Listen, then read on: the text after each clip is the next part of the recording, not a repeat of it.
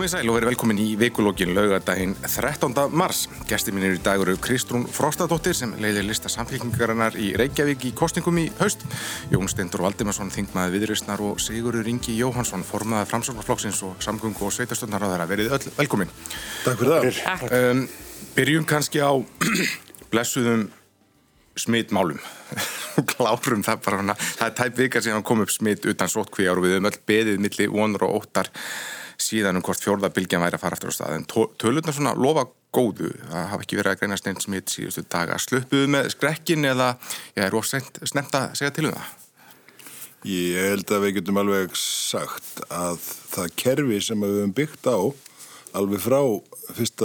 mars 2020 mm. þar að segja þennan möguleika raðgreina allar verur með aðstóð íslenskri erðagreiningar sem er frábært og að vera með almennavarnakerfi með smittrakningar það er búið að sína fram á það í, í svona samburaransóknum að það er jafn árangusrikt og lockdownið sem er í, í öllum öðrulöndum mm. en það þýðir líka að við getum verið með mjög eðlera hérna, samfélag hérna, eins og við þekkjum bara Já. mjög meira opið, skólana gangandi og svo framvegis að þetta síni sig að vera mjög áhrifaríkt og þegar menn tóku á þessu vissulega bara óttaslegnir að, að við höfum bara horta á önnu lönd ekki dráða við þessa ný, nýjustu bylgju sem byggir á þessari bresku, breska afbreyði eða suðurafriska eða brasiríska, þetta er nú orðið alltaf flókið en, en hérna mér sýnist að, að þessi yfirveld okkar hefði svona vikarhingin og náð smittrækningunni stærri og með því að taka tvö test til dæmis á, á hópnum sem var í hörpunni þarna fyrsta skvöldið þá já, ég hef ekki bara segið þessu um slopp með skrekkin og en það sé ekki bara tilviljum sko, okay. það er vegna þess að kerfið er gott. Já, maður er alveg fekk, maður fekk kökk hérna fyrir, fyrir vikum ok, smitaður í hörpu það er í hagkaup og bara þetta, þetta er að fasta búið, já, já, nei, nei, þetta er alveg rétt sem Sigur Ingi segir að við þetta erum bara með, held ég bísna gott kerfi til að halda utanum þetta sem mm. betur fyrr og svo held ég líka að, að, að við séum bara bísna hlýðin Já. og við förum svona tiltölulega varlega mm. og, og við tökum það eh, alvarlega þegar þetta gerist og ég held að hafi allir farið að spritta sér meira og, og passa betur upp á grímurnar þegar þetta kom upp þannig að já já ég, ég held það að við verðum auðvitað að, að, að, að hérna, segja það og getum gert það alveg með stolti að við, við okkur hefur tekist að takast ágætlega á við, á við þetta og mörg önnur ríki sem maður hefði haldið að hérna ætti að geta tekist vel á við þetta, hafa eiginlega farið miklu verð mm. út úr þessu en sjálfsagt er ímislegt við þetta erum eiga sem er, mm -hmm. er svona tiltölulega auðvöld að hjálpar okkur og, og við erum tiltölulega fámenn og, og mm. allt mhm. þetta þannig að það er ímislegt sem fellur með okkur Já, Já en það minnir auðvitað á að þótt að sé uh, svona búið að herða eins og á landamærunum og það sé verið að gæta allra varúðar þar að þá þarf svo lítið til -hmm. að þetta komi upp innanlands Já, ég held að það sé alveg forgangsatri núna að við reynum að halda svona innanlandskerfinu fungurandi. Um, ég held að við finnum öll bara fyrir því, það er svona ákveðin léttir sem fylgir því að geta hitta hans fleiri og átta hans eðlar á líf mm -hmm. og ég held að eins og staðan er erlendis, ég menna það er ekki mikið fólk að ferðast yfir höfuð og þetta er bara bráð smitandi þessi afbreyð sem er í gangi núna, þannig að ég held að að auðvitað er ekki jákvægt að þurfa að vera í þessari stöðu en þetta er held ég að besta í stöðunni mm -hmm. og ég vil hljóttum að vilja venda það núna mm -hmm. uh, Mér langar að leiða þetta kannski aðeins yfir í efnahagsmálin að atvinnleysi náttúrulega hefur verið vesti fylgifiskur, efnahagslegi fylgifiskur þessarar uh, veiru það er umlega 11% atvinnleysi núna 11,4 og 25% á afmörgum stöðum eins og sviðunessum og Ríkistöndin kynnti í gær nýtt áttak til að spórna við atvinnuleysi. Þeir eru að fara að útvíka ráðningastyrki til lítilla og meðalstóra fyrirtækja. Getur þú aðeins svona sagt mér út á hvað þetta gengur? Já, þetta, er, eru aðgerðið sem að sko lúta því að, að þegar þú ert búin að vera atvinnulegs tólmánuða lengur þá ertu svona svo litið búin að missa uh, sambandi við atvinnumarkan. Þú ert búin að vera að leita þeirra vinnu og, og einhverjir kannski svolítið að gefast upp. Já. Þannig að í þessu er verið að beina sjónum að þeim hópi.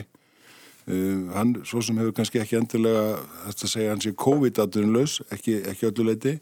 Þannig að tólmánir eru cirka akkurat síðan COVID hófst. Já. En það var einhvað síður ákveðin hópur og við erum að beina sjónum að þeim og svo smátt og smátt þetta á næstu mánuðum förum við að sjá þetta COVID-fólk koma inn. Mm. En hvers, hvers, hvers konar störf Uh, þetta- geta orðið þá til með, með, með, Já, atvinnu? það- sko stærsti hópurinn og svona það áhugaverðast að vera að útvika þetta form sem er til. Það sem getur fengið stuðning frá vinnumálastofnun og ráðið fólk að þá er verið að beina því til fyrirtækjana uh, að þau geti bætt við fólki með stuðningi og þá rúmlega sagt, grunnbótunum Uh, þannig að þú getur farið þar inn og næstu sex mánuði verið í störfum og við erum að þá fara að hvetja fyrirtækin til að taka þátt í þessu með okkur. Annar þáttur er síðan að hvetja sveitafjölögin að fara þarna inn líka. Þau væri þá kannski að horfa til hópsins sem að er komin næst þessum tíma að, að réttindin sé að hérna að renna út 27-8. mánuði af þessum 30 sem að þú hefur réttindi inn í kerfinu og valkosturinn þá fyrir sveitafélagin er að segja við ætlum að bjóða þér vinnu hérna með þessum stuðningi. Um, en, og þú átt val, val um það.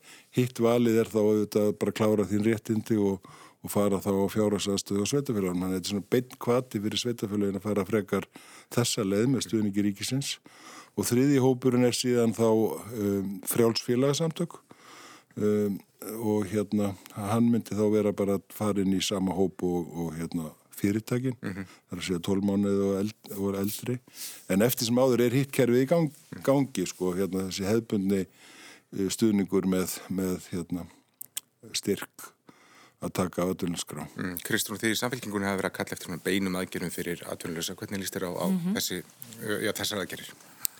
Sko, auðvitað, í stöðinu núna þá fögnum við þessu.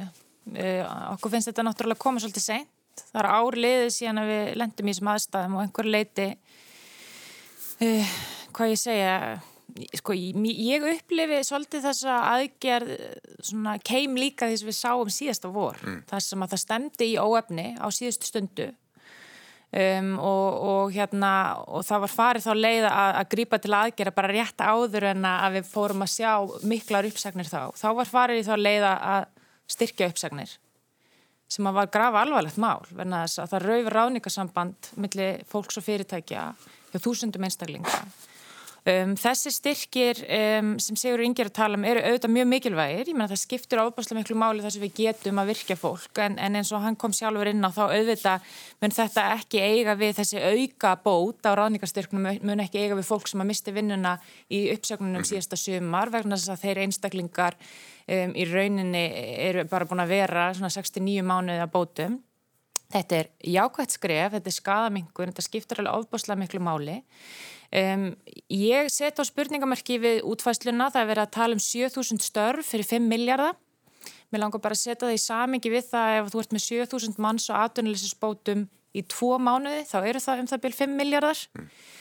Um, við erum búin að sjá um, greiðslur til einstaklinga, heimila, einamanna í tengslu við vaskendugreiðslur á síðast ári upp á 7-8 miljardar. Þetta er inn í atvinnugreinar sem er bara greiðarlega þensli, það er erfitt að fá yðnaðmenn í dag og ég er ekki, ekki að gera aðtöðsend í stóru myndunum við þessa aðgeð en bara í svona í samingi hlutana þá finnst mér þessu upp að frekar lág fyrir fjöldastarfa og ef ég seti þetta bara í samingi við til að mynda ábyrgulegina sem samfélkingin setti fram síðasta haust þá var þar verið að tala um sköpun 57.000 starfa fyrir nokkra 20 miljardar sem þótti eh, frekar stór aðgerð þeim tíma en, en var ekki viljið fyrir að taka undir þá.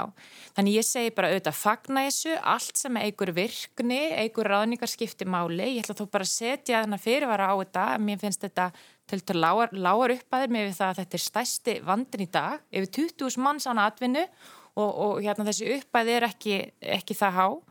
Og síðan setjum ég kannski líka spurningamerki við að það hef ekki fyllt þessu neyn bót á kjörum fólk sem að munum samt ekki geta fengið atvinnu. Verna þess að við verðum bara að setja um, þann fyrirvara á það að það hafa verið þessi ráðningarstyrkir í gangi fyrir grunnbætur núna í þó nokkuð langan tíma og þeir hafa ekki nýst. Jón Steidur. Já, sko, þetta er nú hérna, þannig að ríkistjórnin helt bladamannafund síðdegis í gær og uh, opnaði hérna vefsíðu. Það er ekki að finna neinar upplýsingar um þetta áttak á, á hérna, veffásætsraðunitsins eða stjórnaráðsins. Þetta er svona svolítið í takt við vinnubröður þessara ríkstjórnar að hún yfirleitt byrjar á hátimbruðum bladamannafundum og kynir þar stór mál, stór atriði. Uh, Ríkstjóðin kýs að kynna þetta til dæmis ekki fyrir alþingi eða leita samráðs mm -hmm. við alþingi og nokkur skapaðan hlut. Uh, og uh, þetta kemur svona á síðustu stundu. Það er alltaf verið að, að taka skrefin þegar allt er komið í óefni, ja. menn hugsa yfirleitt ekki framfyrir sig og reyna að taka stór skref hérna uh, strax og þetta er því marki brent en að því öllu sögðu þá sínis mér og, og tek það fram að ég því miður ekki geta kynnt mér þetta alveg það gögnum þetta mál eru nú bara því miður ekki orðin minnskosti send frá með opnumburum hætti og, og mat og, og á þessu öllu og hvað þarf til þarf einhverja lagabreitingar, þarf einhverja fjárheimildir ég hef ekki hugmynduð það mm -hmm. Uh, en, hérna, en vissulega er eins og þú byrjaðir þína spurningu á atvinnuleysið er stærsta bölið sem fylgir þessu mm. og við höfum lagt til ítrekað í þinginu fyrir sko löngu síðan að menn gripu til ráðstafana til þess að, að hérna, framlengja bótatíman til þess að lækka tryggingagjald til emitt fyrirtækja sem getur ráðið til sín mm -hmm. hérna, fólk af atvinnuleysinskrá og svo framvegs og framvegs en á þetta hefur ekkert verið hlustað og, hérna, og það er auðvitað miður en, en auðvitað ber að fagna því þegar, hérna, þegar ríkistjónin uh, tekur við sér en, en, en þetta er svona allt þessu marki brenda með að gera þetta svona með halvum huga og gera þetta of sent. Mm. Þannig er það nú í mínum huga. Sigur Ingi, það er þetta fullt sem ríkistjónin hefur gert í sambandi við COVID en hún hefur verið, henni hefur verið leið og hálsi fyrir það að aðgerðnar gagnast fyrst og fremst eignafólki og bara fyrir þann sem á húsnæði og, og er í vinnu þá hefur bara síðast ár verið mjög fínt. Það er þetta endur fjármagna á læri vöxtum það er þetta að fá yðnaða manna og fá verskin endur greitan og þess að það er neðu ja, missi vinnuna, átt ekki húsnæði þá ertu bara skilin eftir. Nei, það er nú bara alls ekki þannig. Og ég er svo svo búin að heyra þessa gaggrinni frá stjórnarnarstöðinni þingjunu að við séum alltaf breyðast og sent. Ég ætla bara að minna á það að fyrsti bladmannafundurinn var haldinn 21. mars í fyrra, þrem vikum eftir fyrsta smitið.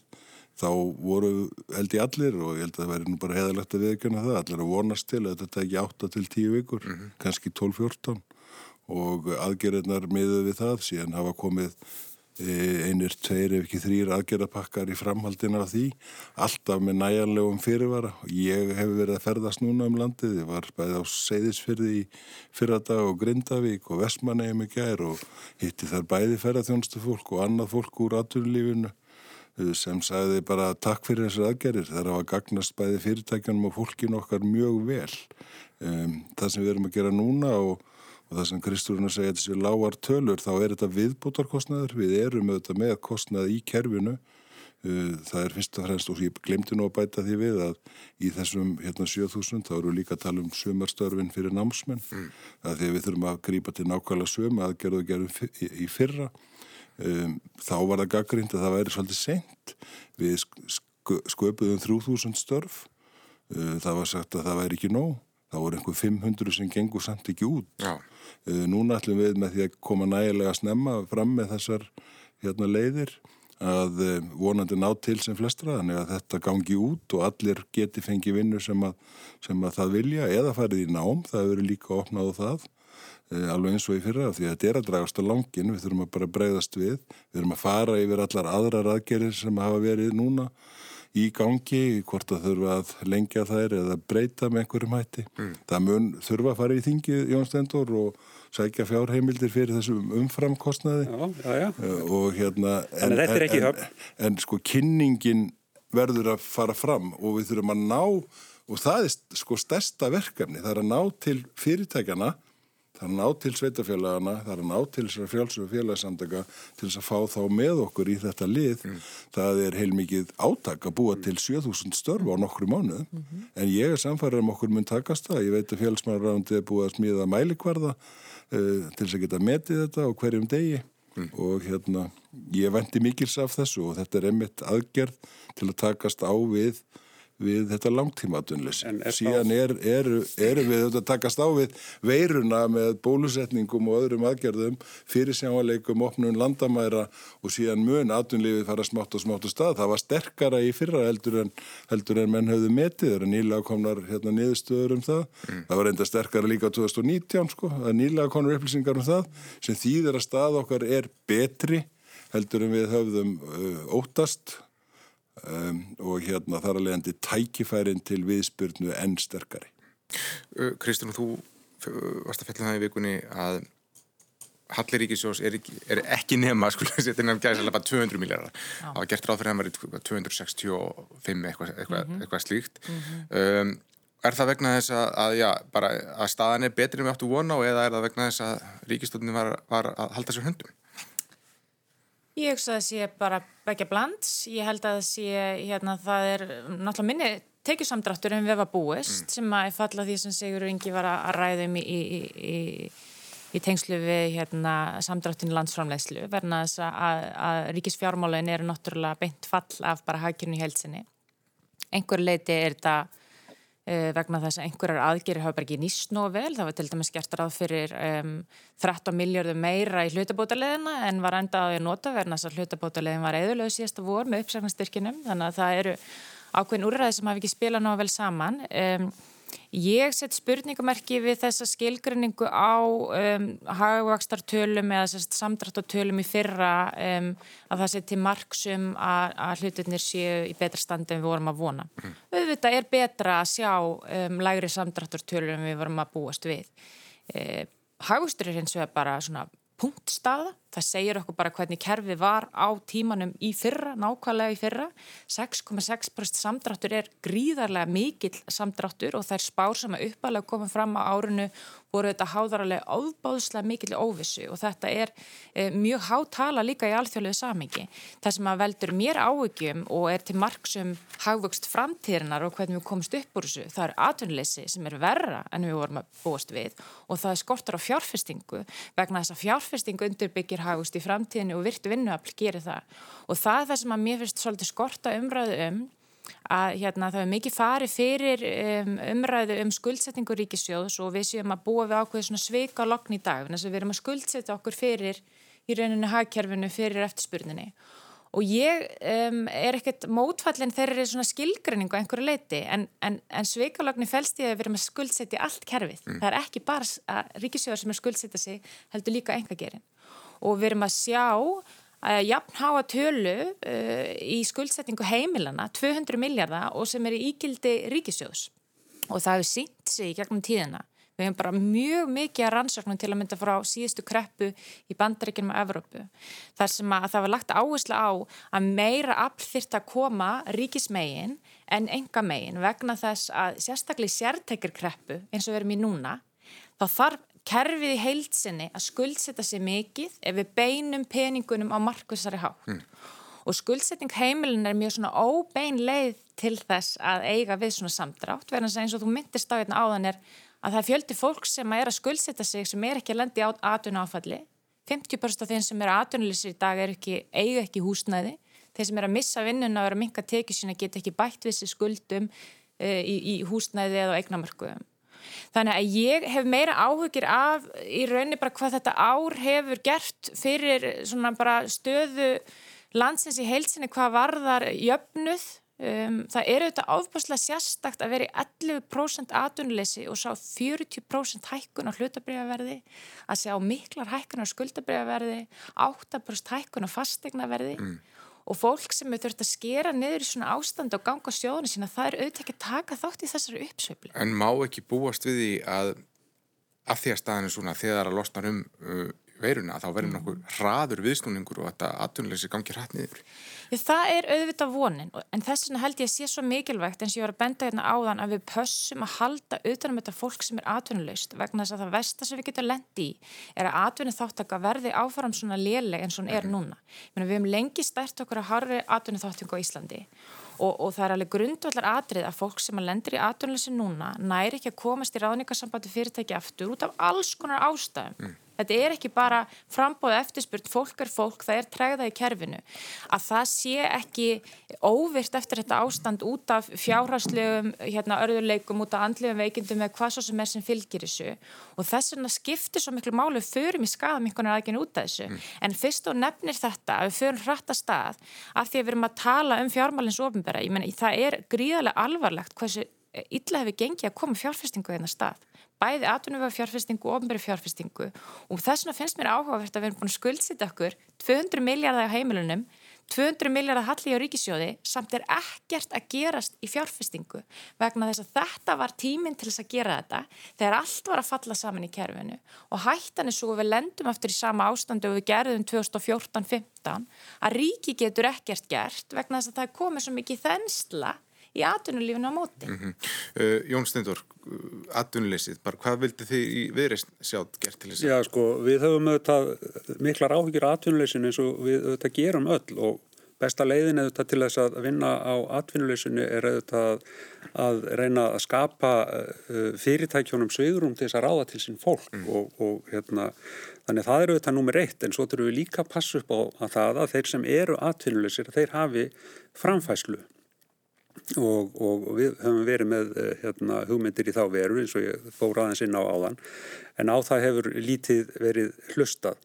En svona almennt um ástandið þá er það og ég tekið undir maður sem Kristrún uh, sagði hérna við erum í mjög sérstöku ástandið þar sem við erum með til þess að gera mjög háa verbolgu uh, við erum með þetta mikla atvinnuleysi Við erum með mikla misskiptingu á því hvernig þetta áfall hefur komið niður á, á hérna, fyrirtækjum og, og, og, og landsmönnum. Við erum að, með snarhækkað húsnæðisverð og það er gríðalegt ójafnvægi í hakkerun og ég held að sé sko, full ástæðis að hafa miklar áhyggjur af því hvað er framundan í þessum, í þessum málum öllum og sko þó maður vilja auðvitað vera bjarsinn og maður vill trúa á, á sko, snarpa hérna, viðspyrnu að þá er ég ekkit alveg samfærður um að hún sé alveg handa með hodnið. Mér sýnist til dæmis að það muni lítið gerast í ferðarþjónustunni varðandi erlenda ferðamenn á þessu ári. Það er bara blasir við. Mm. Það er einhvern speking til þess að sjá það. Í, í fyrra þá ferðuðumst við sjálf gríðarlega mikið innanlands og hérna og, og, og þannig að við svona unnum svolítið á, á móti þessu getur við sagt. Og, og sko ég leiði mér að evast um að ferðarþjónustu fyrirtækin geti bóðið upp á hérna, eins mikil kostakjör var gert í fyrra. Og, og ég efast líka bara um að, að hérna, það séu alveg jafn margir sem hafa fjármunni til þess að ferðast innanlands eins og þeir höfðu í fyrra Þannig að ég er, sko, leiður mér nú að vera svarsýtni heldur en, en, en, en uh, margir aðrir, sko, varðandi þetta og, og þetta er mikið áhyggju efni. Mm. Og síðan auðvitað getur við líka spurt okkur að, að einsum þáttum sem að, sko, varða þetta við nefnum hérna, húsnæði og húsnæðiskostnað og við auðvitað viljum öll að til dæmis að ungt fólk geti eignast húsnæði.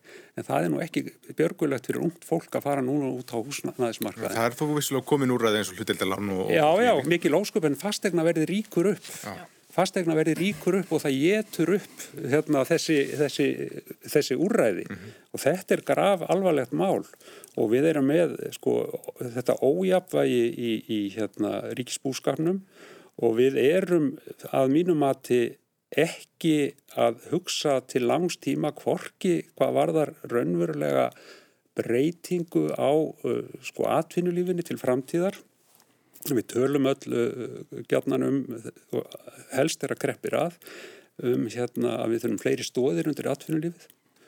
En við gleymum því yfirleitt mjög leið og rætist úr. Þetta gerist yfirleitt þannig að það verður áfall í einhverja þessum greinum sem við köllum oftast undirstöðu atvinnugreinar mm -hmm. og, og hérna þá förum við öll og maður að fara í nýsköpun og, og við munum það í 2-3 ár og svo gleymum við því.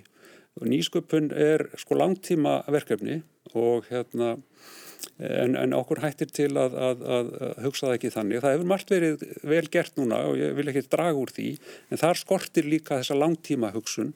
Þar varðandi nýsköpuna, þar sko gera menn allt í bráðabyrða en voru til dæmis að gera mjög góðan hlut með að hækka hérna, endugreðslu hlutvöld í rannsóknar og þróunarstarfsemi mm -hmm. mjög gott en það var gert í tveggjára mm. og það leggur ekkert alvegur nýsköpuna fyrirtæki leggur ekki í sko, nýsköpunarverkefni vegferð sko til tveggjára mm. og þetta er mjög slamt og síðan ef þetta til enn lengri tíma eða ekkert lengri tíma það er auðvitað að gera eitthvað í því núna að við þurfum að sko velta því mjög vel fyrir okkur hvort að það, það, það, það svo umgjör sem við erum með fyrir efnagslífið og nú er ég að beina tali mínu yfir að, að, að gjaldmiðli og krónu mm -hmm. og hvað hún kostar okkur og hvaða kostar okkur að halda henni við. Þetta hefur, spilar allt inn í efnagslífið til lengri tíma mm -hmm. og það er, ég get ekki komist hjá því að minnast á það að nú liggur fyrir í þinginu frumvarpum gjaldirismál og þar er verið að, að, að fara fram á það að við lögfestum lögfestum þau bráðabyrð ákvæði sem við þurftum að setja þegar hrunið varð. Og í þessu felst í raunverulega viðurkenning á því að, að íslenska krónan er ekki gjaldmiðil sem við getum treyst á. Mm. og þess vegna þurfum við að hafa svo mikið að varuðartækjum í kringum hana og, og sterkar heimildir til yngripa að sko ég held að það finnist valla á byggðu bóli hérna, eins mikil, mikil varnarmúr í, í kringum gjaldmiðl sem segir okkur auðvitað að það er eitthvað að þegar við þurfum að hafa svona kerfi. Nú eru þetta samfélking og, og viðreysnir bá, báðir Evrópusinnaði flokkar, Evrópusambandssinnaði flokkar mm. en menn, það er ekki stemning fyrir því þess að í samfélaginu. Það er enginn að tala um Evropasambandið og bara breytar nýgengin út og þess að það er, er þetta ekki þetta frá dagskrá? Jú, já sko, við setjum þetta bara dagskrá, við setjum þetta á dagskrá en það er svo skrítið að, að það eru hérna rótgrónu íhaldsflokkarnir, afturhaldsflokkarnir sem vilji ekki setja svona sko grundu allar mál á, á dagskrá. Mm. og, og það er auðvitað mjög leitt að, Er ekki kjósendur sem, sem bara Jú, en það er, er þannig að, að hérna, eftir höfðinu dansanleimindir sko. Mm og það er nú þannig að maður er í stjórnmálum þá er maður að reyna að hafa sko einhvers konar fóristu er það ekki, maður er að reyna að, að, að, að bóða einhverja leiðir, ekki satt og, og ef að þeir stjórnmálaflokkar sem hafa haldið þér völdum langlengst og mótað Íslands samfélag þeir sjá sína hagsmunum einhverja hluta vegna ógnað með þessari umræðu mm. og þess vegna setja þeirra sjálfsögðu lok á hana mm. og þannig er það nú bara mm. uh, Má ég? Endilega. Sko, ég er nú hérna raunsæðismæður og var með þess að bara bjart síðan hérna í morgun en nú er ég búin að hlusta á langar ræður þessar að tvekja ágættu viðmælenda okkar hérna í dag og ég er bara ekki bara orðin svarsinn að líka í svo orðin þunglindur bara hérna. Sko, Kristrún, það er þannig að hlutabótalegin er eitthvað það besta tæki sem við höfum verið með og virkað frábælega. Samfylkingin fór hins vegar og gaggrindi hana harlega og eðilegðana. Það var ekki uppsagna styrkitin sem eðilegðana. Það var, var, var hérna stjórnaranstæðan Eh, sem gerði hana tortryggilega. Ég fekk símtöl frá bara venjulegum fyrirtækjum með fimm og sjö manns sem fóru bara algjörlega og taugum yfir því að þeir hefðu nýtt sér þetta en þetta var akkurat það sem þau þurfti á að halda að komast í gegnum. Eh, fjölmila tóku undir þetta berstens og ég sín og gaggrina þig fyrir hönd allra fjölmila og hérna hún var frábær. Við hérna löguðum hennar síðan aftur í höst það er yfir 4000 manns á henni ennþá og hérna hún hefur virkað mjög vel og er eitthvað besta aðgerratæki sem að hefur verið í þessu kerfi. Mm. þegar Kristún segir að það sé hérna of lítil skuldsetning hlutfælslega hjá ríkinu versus til að mynda heimilinn þá er það þannig að við höfum cirka verið að tapa miljardi á dag og það er, er hérna lengi vel leita út að sá miljardur væri eða allur úr ríkisjóði sem betur er það nú ekki alveg öllu leiti en, en við erum kannski svona efnahagslífið að tapa sérska þessum miljardi. Þessar 200 miljardar sem hún nefnir sem heimilin er, það standaði þetta eignir á móti. Hér fórum enn í umtalsverðar fjárfestingar, meðal annars vegna átags ríkistjórnarinn er í allir vinna það var farið hér í endurbætur á húsnæði, það var farið í pallaefni, það var fluttir inn pallaefni eh, fyrir sko margra ára starfsemi en það hérna höfðum en ágetist tíma til þess. Eh, það eru þetta aukin verðmætti húsunum innflutningur og heitum pottum og uppsetning þeirra. Bara svo ég nefni nú eitthvað svona eitthvað dæmi sem að vera í gangi þetta er miklu, miklu viðtakara. Uh, hér eru, eru sögulega lágir vextir Ég heyrði Kristrúnu nefna það um daginn að Sælabankin hefði ekki átt að lekka vexti. Ég sagði það. Já, það, það mátti, það mátti, það mátti, mátti skilja það þannig Já, og það er, er sami tónin og við heyrum alltaf frá þessum teimur flokkum sem er að reyna að búa til vond ástand á Íslandi og þeirra fólk sem hefur að því komið hefur reynd að viðhalda hér háu vakstastígi eins lengi og hægt er til þess að segja til þess að segja til þess að segja að þessi íslensku krónunni að þessi íslensku krónunni að kenna. Hmm. þegar að síðan er komin hér um, nýstefna, ný peningastefna nýr selabankastjóri, ríkistjórn og þau vinna saman að því að reyna að búa til umhverfi larra vaksta, þá byrjar þetta fólk að emja, eðlilega, en það er alveg rétt hjá þér. Það er engin stemning fyrir þessu, en þau er að reyna að búa til þetta umhverfi. Og fjárfestingarnar, já, það eru urði ekki eins miklar á síðast ári eins og við vonuðumst eftir. Um, ég sínist að hinn ofnbæri fjárfestinga við verið eitthvað 10 miljardum lagri. Það er cirka virtist um tíma að það væri algjörlega sveitafélögin sem hefðu hérna ekki náð því að vera með. Eh, ég veit af hverju það var. Þau voru stressuð í upphafi meðal annars vegna umræðu sem að Kristúnum tók þátt í mm. að hér vantaði 50 miljardar inn í ríkustu sveitafélög landsins sem að var ránt og umræðan svona fram eftir sömri og inn í haust, líka inn í þingi, hún var um það að hér væri allt í skralli. Það var það ekki. Vegna aðgerða ríkistjórnarinnar þá bara helt útsvarið e, fastegnaskatturinn var heldur hærri heldur en, heldur en hérna var af, af því sem fyrir var og svo með, með viðbótar aðgerða ríkistjórnarinnar að þá gekk þetta bara bísna vel. Mm. Þannig að í fjárasáallinu sveitafélagana fyrir árið 21 þá er bara umtalsverði fjárfestingar, það er allir á sama vagnunum. Mm. Það er fjárfestingar sem senkaði, meðal ansjó vegagerinni er ég búin að vera svolítið að skoða af hverju gerðist þetta. Það er vegna þess að skipula smál senka, umhverjir smatt senkar, það kemur eitthvað óvendu upp á og þá, sagt, þá þurfum við að hafa fleiri verkefni í hillunni til þess að geta tekið þau niður inn í samgöngu áallinu og átt slikt samtal við þingið um, og hérna það var senkun á uppbyggingun á nýjumlandsbytala og uh, það var senkun hjá Ísafja vegna þess að það bara hvar hurfur náttúrulega tekjur. Mm. Það góða við það er að þær koma þá inn á þessu ári. Þær eru þó bætast ofan á þetta ár. Þannig ef við tækjum þetta tveggja ára tíðanbíl þá erum við með umtalsverðar ofinbæra fjárfestingar. Þannig að, að ég sammála því það var því að þetta var efnaðasagerð að fara í fjárfestingar átækið að það skildi ekki öllu hafa tekist að skila því í gangi september, oktober og fram eftir vetri árunu 20 en það fer í gang núna. Mm. Fyrir að hlusta á vikulogin, gestir mínir eru Jón Steindor, Valdemarsson, Sigur Ingi Jónsson og Kristrún Frostadóttir sem yðar í skinninu að geta Já, sko, ég geti náttúrulega verið inn í allan dag að svara þessu, ég ætla bara að hafa þetta stutt sko, en, en hérna sko það eru þetta ekki rétt Sigur Ingi, ég var nokkuð til að tala gegn því að, að vextir eru hér lækkaðir, hins vegar finnst mér Heyrist þetta ekki ég er að gera aðtjóðsend við miklar lánveitingar til heimil og það er eitt að fá lækun á því sem að þú borgar af þínu núverandi lánu þar annað að auka við skuldsettinga þína og staðrendin er svo, svo við tengjum þetta bara við það sem að Jón Stendur var að segja náðan hérna við erum í litlu, opnu hagkerfi með örmynd. Í svoleiðis hagkerfi þá skiptir ofbáslega miklu máli hvernig við nýtum peningana ekki bara frá ríkistjóði heldur líka í enga gerinu en við getum ekki gert það sem að bandaríkinn gerir miklu mæli að prenta mikið og veldur ekki verbulgu. Þess vegna þurfa stjórnmálamenn að geta sagt stundum hluti sem er ekki 100% vinsalir hjá öllum heimilum landsins. Ábyrg hagstjórn snýst um að nýta peningana vel og ég kann ekki að meta þegar það er stilt þannig upp að það sé ekki vilji fyrir að gera eitthvað fyrir öll heimilin í landinu undir svona kringustæðum. Við erum með 25 manns sem eru atvinnuleysir. Við þurfum að vera mjög markviska á hvernig við nýtum fjármagni og þessi gaggrinni mín snýr einfallega að því að við séum ekki að skapa óþarfa örfun annars þar í kerfinu sem kynntur undir verðbólgu hefur áhrif á matarkörni og þeim sem að minnst mega sinni í þessu kerfi um, eigna miklu eru varðir fyrir og ég held að ríkistöndin verður bara horfast í augu við það að þó að pól, pólitíkin liggi ekki hjá Sælabankanum, það bregst Sælabankin við pólitíkinni og afleðingarnar eru pólitískar. Það er pólitíst ástand að vera um 11% atvinnleysi og svona miklar hækkanar á eignamörku.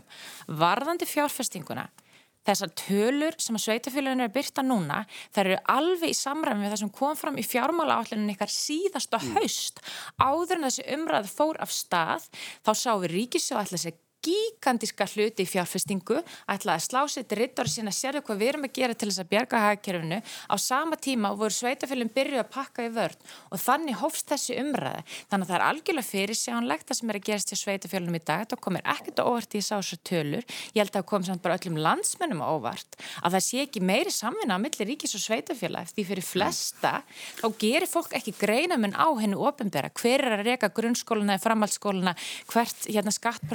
liggur, það vill bara hlutinni fungari, þannig eru verkefni sem er hægt að koma strax að stað og við höfum bara viljað tala fyrir því samfélkinguna að það væri meiri samvinna þarna mill í þessu aðstandi. Við vorum að tala um síðasta ár sko, við, við vorum að tala um síðasta ár með fjárhustingunum bara, ég skal vera östutur uh, og það var þá sem að þessa tölur voru. Ég sé fram á að árunum 21 sé bæði fjárhustingar með að fjárhusafallina sveitafélagana bísna efnilegar og hjá ríkinu líka.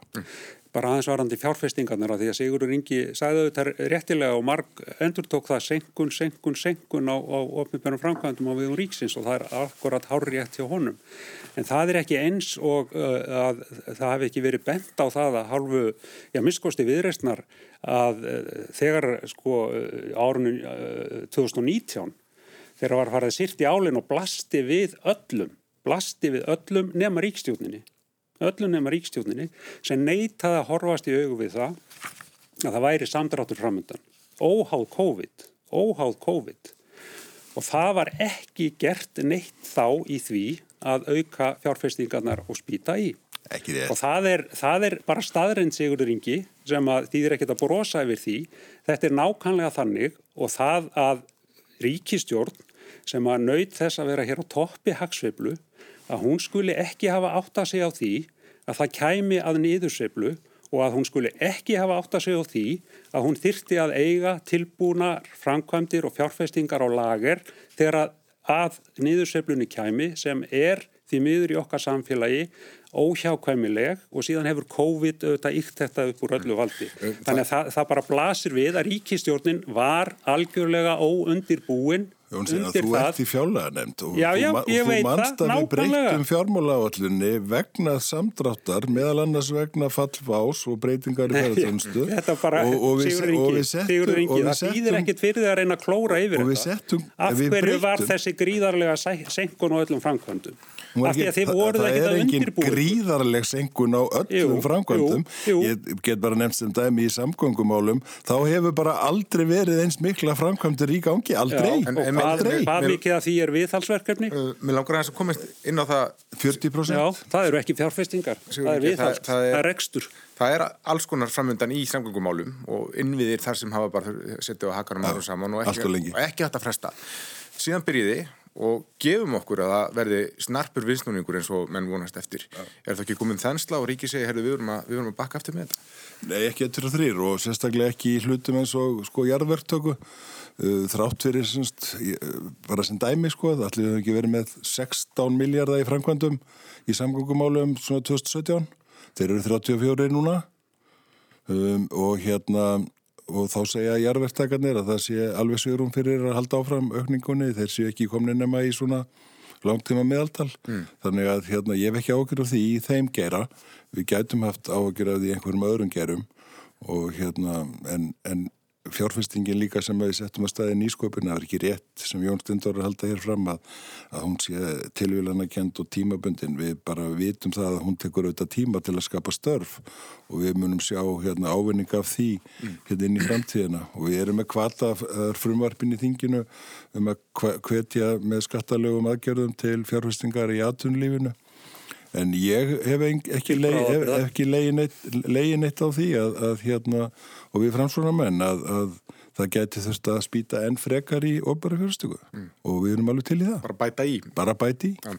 Uh, að gefa þér orðið aðeins lengur og tala eins um sveitafélagin að það stóð til þess að, að Já, að lámarsfjöldi í sveitafélagum er þúsund manns og það taka gild eftir, eftir fimm ár í þar næstu kostningum áttu að vera 250 næstu en þú tilkynntir í vikunni að þú væri að opna á að falla frá þessari lögbundnu eða lögþvinguðu eins og sem ég segja sammenningu sveitafélaga. Hvers vegna?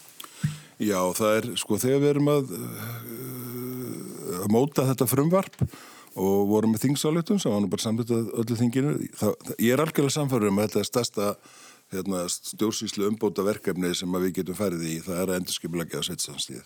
Þá var svolítið svona jákvæðu taktur í öllu samfélaginu í sveitastjórnunum, stórum sem smáum, auðvitað ekki allir sammála en, en svona ákvæðin taktur.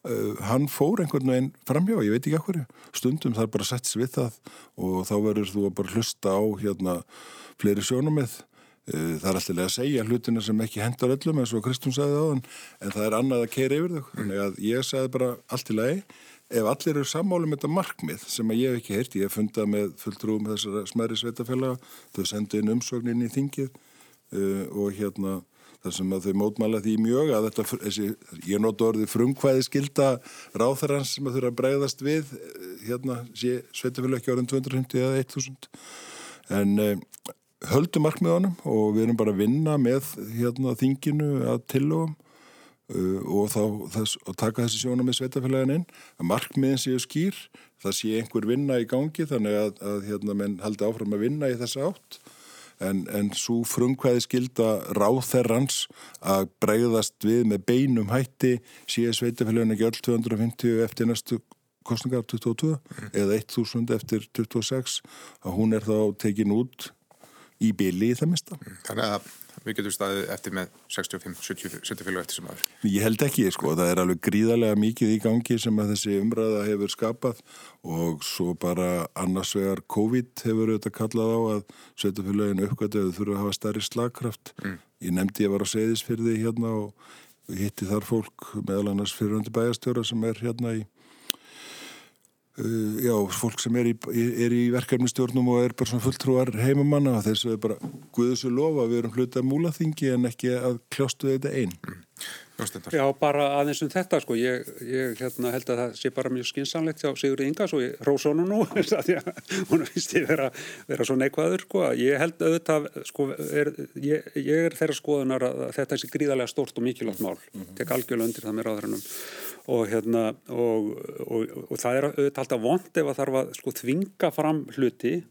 Eh, ég held að það sé skinsanlegt að horfa á þetta líka þannig að, að meira að leggja þær skildur á, á herðar sveitarheilan að þau þurfa að geta staðið við tiltekinn hérna, verkefni. Og ef að mann geta það ekki nú þá, þá bara er ekki grundvöldur fyrir mm -hmm. sveitarfélagi til dæmis og, og, og þetta geta með svo deilt um hvaða kríterjur það ættu að vera en ég held að blasiðu þetta við alveg eins og Sigurður sagði því að við nú hann til að ég var að segja þess fyrir líka og heyrði nákvæmlega það, það sama að sveitarfélagin þurfa að hérna vera sterkari til þess að geta eiginlega tekist á við nútíman en þá þurfum við líka um leið að færa þeim sko tól og tæki mm -hmm. til þess að geta geta verið það og, og, og ég held að það, það sé mjög mikilvægt fyrir einmitt hérna, sérstaklega auðvitað, svo sem öll sveitafélagin sérstaklega þau út á landi að þeim finnist þá að þau hafi þessi tól og tæki því að undir liggur oft í þessu að, að, að, að þessi stóru sveitarfélag einhvern veginn sé að ráðaferðinni og svo er ríkið og, og, og mannum finnst mann vera einhvern veginn í einhverjum skilningi afskiptir mm -hmm. og, og þá tilfinningu þurfum við að, að fást við og, og, og, og bæta þannig. Ég, ég bara fagna því að, að, hérna, að þessi umræða sagt, færist meira yfir á, á svona, þessar nót. Mm. Kristján Steindorinn sko sammálu um margt og við vorum búin að taka svona ágætt samtali um þetta í, í þingin ekkert. Kristján, þú hefur spáð mikið mörg sveitafélag á ríkisins. Hvernig, hvernig líst þér á þessa breytingu hjá Sigur Inga? Að bakka með þetta Já. ég menna ég held að þetta sé auðvitað er þetta, maður þarf að vera sangjarn í, í, í þessum aðstæðum sko. auðvitað er þetta líka mjög sérstakar aðstæðar þú vilt heldur ekki að sveitafjölu ráðist í eitthvað ferli núna þegar sum þeirra eru bara á njánum fjárháslega líka út á ástandinu, ég held að við þurfum líka að hugsa um það þess vegna er svo mikilvægt að, að hérna, það sé aðeins lengri aðdraðanda og við kannski sjáum út úr þessu aðstæðum. Ég held auðvitað að þetta beri líka votta ef við erum bara komin á kostinga ár veist, þetta snýst líka um að, að, hérna, að þetta er kannski ákvörðun sem er við ekki vinsæl. Um, ég held að til lengri tíma sé auðvitað þetta skinsanlega vegferð mm. en, en ég tek bara undir með bæði Sigur Inga og, og Jónas Steindori hérna, að það bara skiptir máli að það sé vel að þessu staðið Um, og ég myndi vilja umræðinu sveitafélagi núna myndi mitt bara snúast um það hvernig við hlúum að til dæmis einstakka sveitafélagum í þessu ástandi verna þess að talandum hennan ójöfnu og eignumarku og allt að það er bara greiðlur ójöfnuður eftir sveitafélagum í dag. Ég menna það eru bara mörg sveitafélag að taka á sér ofbáslega tökk, við sjáum til dæmis í Reykjanesbæ, þetta sveitafélag eitt og sér, talandum gældirsköpun getið ímyndið hvað við komum mikið gældirsköpun út úr þessu samfélagi síðastliðin ár? Og þau eru að lenda svona hlutvalslega í ofbáslega erfiðum og hörðum aðstæðum með mikið atvinnuleysi og ég held að við þurfum bara að fara í, í, í sértakar aðgerði til að styrkja mörg þessar sveitafélagi áður en við getum fara að tala um svona stóru myndin um þróun þessar stjórnsýslustegs. Mm. Er það eitthvað til og með inn í myndinni uh, með sveitafélagum svo Reykjanes að... að mm -hmm, við erum náttúrulega verið, við vorum svona dæmi um hvað Ísland er hérna siflukent sko, við vorum með verkefni búin að vera í undirbúningi og aðeins byrjuð mm. sem hétt sko stuðningur við vakstarsvæði að því það var alltaf bólna, það fjölgaði fólki og hérna brjálaði að gera og, og allt sko. Svo bara allt í einu gerist þetta. Já. og þá bara breyttu við þessum hóp í, í hérna sérstakann hóp í kringum svona stuðning og, og settum fullt af verkefnum í gang og í, í hérna alltaf ekki bara verið átækið tvö og fjárfestingar átækið í þinginu og þá settum við 250 miljónir til Suðunesja í það. Og ég veit að þau verkefni hafa nýst mjög vel uh, síðan í hérna í stuðningunum við sveitafjölulegin sem voru þá sértæk emitt í haust að þá hérna þá voru alls 720 um miljónir sem fóru til stuðnings fjárhæsastöðar og 600 uh, til að stýðja við, við hérna málefni fallaðs fólks og, og fleira í þeim dúr þar sem við, við höfum líka svolítið verið að horfa inn í það sem Kristún nefndir eftirlega hérna áðan sko, það er, er hérna hinn andlega helsa og geðheilbyrðismála allir sem ekki búin að setja á annan miljard og til stuðnings íþróttastarfs barna tómslundum og þetta er peningar sem fara að stærstu leiti til sveitafélagar eða leta á þeirra skuldbindingar mm. um, Mér langar að ræða aðeins varaformaninn Lilju Dögg Alfersdóttur uh, kæru nefnd jafnbrettismála, hún kosti því að hún hefði broti jafnbrettislög við ráðuningu á ráðundistjóra í metta og menningumála ráðundinu Lilja fór með það fyrir domstóla í síðustu viku þá hafnaði hérastómur því að ógilda úrskjórn kæru nefndarinnar þannig að bara brotið stendur Lilja hefur ákveðið að áfrýja þeim dómi. Hva, hvað segir þú um þetta? Hver er þínum? Já, það er einfallega þannig að uh, þegar að, hérna, þetta mál kemur upp að þá, þá hérna, eins og við gerum gætan í ráðanutum, þá fáum við lögfræðilega áleit í, í, í kannski í, í þessu tilviki var skynsalegt að fá utanákomandi og þau, þau voru tvö, þau voru samhljóða þau voru á því að, að hérna, það væri rétt að, að semst, efast um niðurstöðu kærunemdar eh, þar sem að í þessu tilviki hafði ráþarann farið eftir hefnisnemd. Við höfum annað dæmi hérna nokkur ára eldra sem hefur nú haft talsverðan talsvert hérna áhrifi för með sér þar sem að ráþarann vek frá niðurstöðu hefnisnemdar ég er að tala um dómara mm -hmm. landsréttamáli þar eru skilaboð sem alla leið enda í hæstarétti að hérna að ráþarann hafi ekki mátt gera það sem að gerði, það er semst að hlusta á niðurstöðu hefnisnefndarinnar. Það sem að Lilja gerir er að hún hlustar á niðurstöðu hefnisnefndarinnar. Eh, einstaklingurinn sem kærir til jafnbrettis kærunemdarinnar er ekki einn af þeim fjórum hæfustu. Þar voru tvær konur og hérna skilabóðin sem að þá til stjórnsíslunar eða til framkvæmdavaldsins ráþaranna er þetta aldrei ólík frá þessum tveimur niðurstöðu dómara og ég held að, að hérna, og þegar hún hafið þessi tvö skýru lögfræðilegu álit í handunum sem sögðu það sama að þá held ég að það hefði verið skynsalagt hjá henni og því miður var kerfið þannig að það þurfti að, að hérna, fara í mál við einstaklingin sem er mm. óhefilegt þingið er búið að laga það búið að breyta því. Nú er nú sagt, getur skora kæru nefndun á hólm ef að þú ert sannferður um og, og, og lögfræðilega álit segja að svo sé. Uh, og hérna það verið auðvitað einn heppilegri framgangur þetta var bara galli í kerfinu. Þannig að þú stiður, stiður Lilju í þessu máli? Já, algjörlega. Uh, Ef ég má aðeins sko, það er auðvitað margt við þetta mála að aðtuga uh, sko, eitt er það auðvitað að afla sér lögfræði álita uh, þegar að hérna, þegar að úrskurðanemdin hérna uh, hveður upp sinn úrskurð og síðan auðvitað taka þá ákverðun að, að, að, að fara í, í mál við, við þennan einstakling. Það er auðvitað eitt. Það er sko stór ákverðun og, og, og er svona að mínum að til mjög umdeinanleg.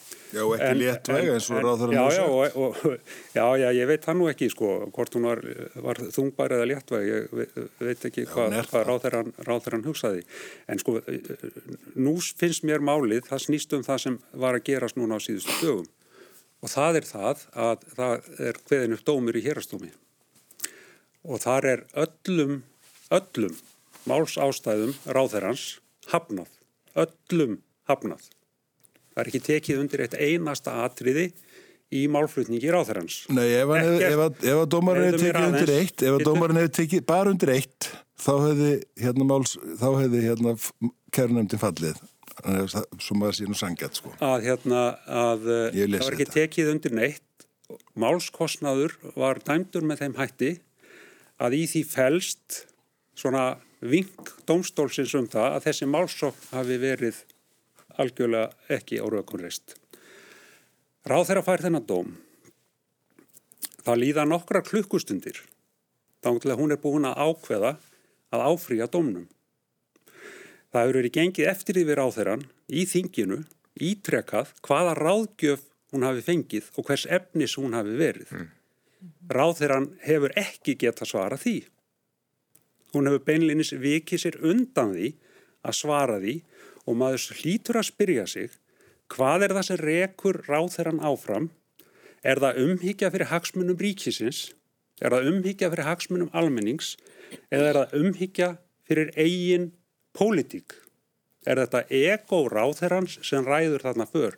Og því miður finnst mér allt teikna til þess að þessi ego ráð þeirrans sem ráði för og ekkert annað Þa, í miður. Það er bara ránt, þú svarar þessu ekki hvernig við sem ráðherrar og fórstöðumenn eigum að tólka mismunandi ráð, hérna, ráðgjöf domstóla í þessum ólíkumálum.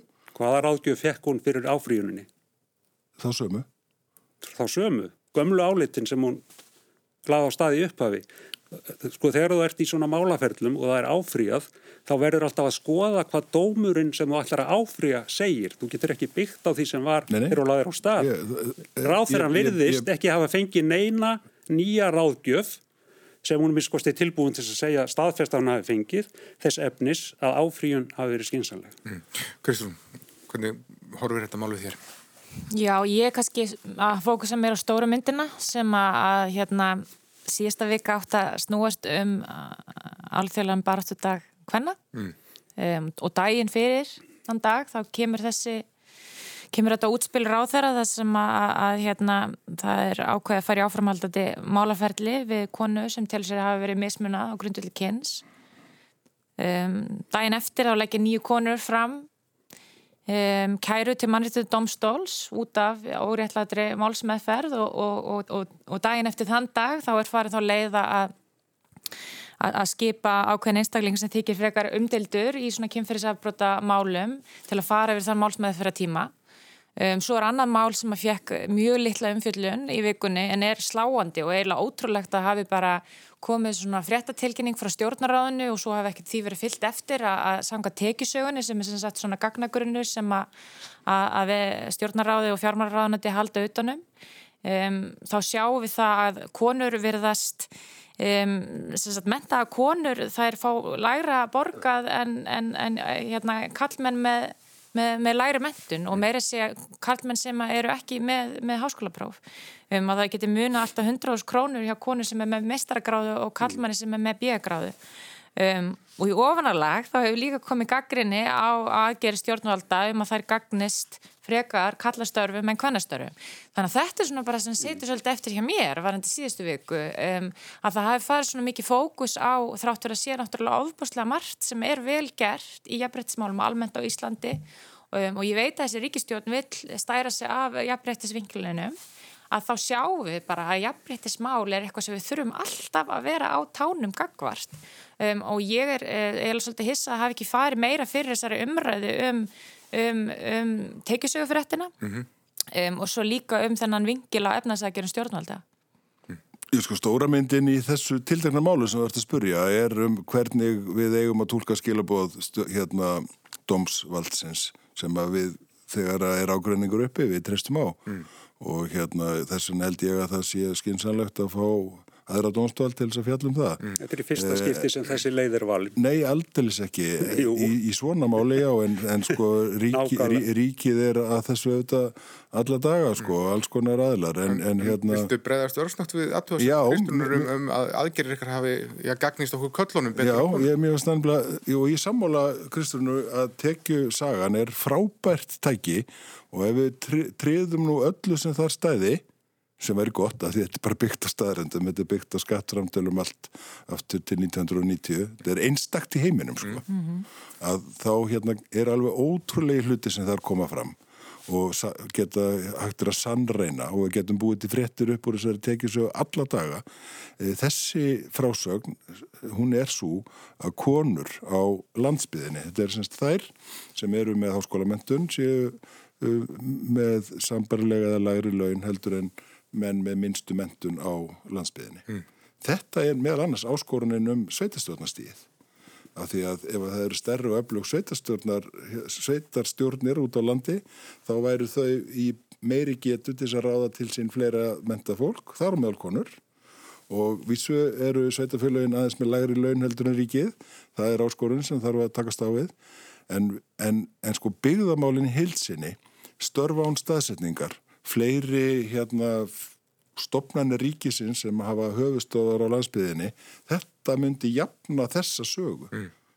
Mjög mikið, þannig að ég er mjög til í að taka þessa umræði miklu lengra. Örstuðt í lógin, við, við erum alveg að ekki fá klukkutíð að veikvandi þetta. Já, auðvitað, við þurftum heila helgi í þetta. Ég held að sé ekki hægt að skauta fram hjá þetta er ekki bara byggðamál, það er náttúrulega ákveði verðmættamat sem fylgir hvernastörrum ég held að við öll hér inni vitum það að konur eru víða í störrum sem áður voru bara einfallega ólaunaði í okkur samfélagi og við tókum svo ákvörnum það að, að hérna, gera þetta að borguðum störfum ymmið til þess að auka aðtunni þáttöku hvenna annar staðar svo þar gætu farið í, í, í, í önnur störf. Þannig að ég held að þetta sé miklu dýpri spurningu en, en hérna við þurfum heila ráðstofni til þess held ég.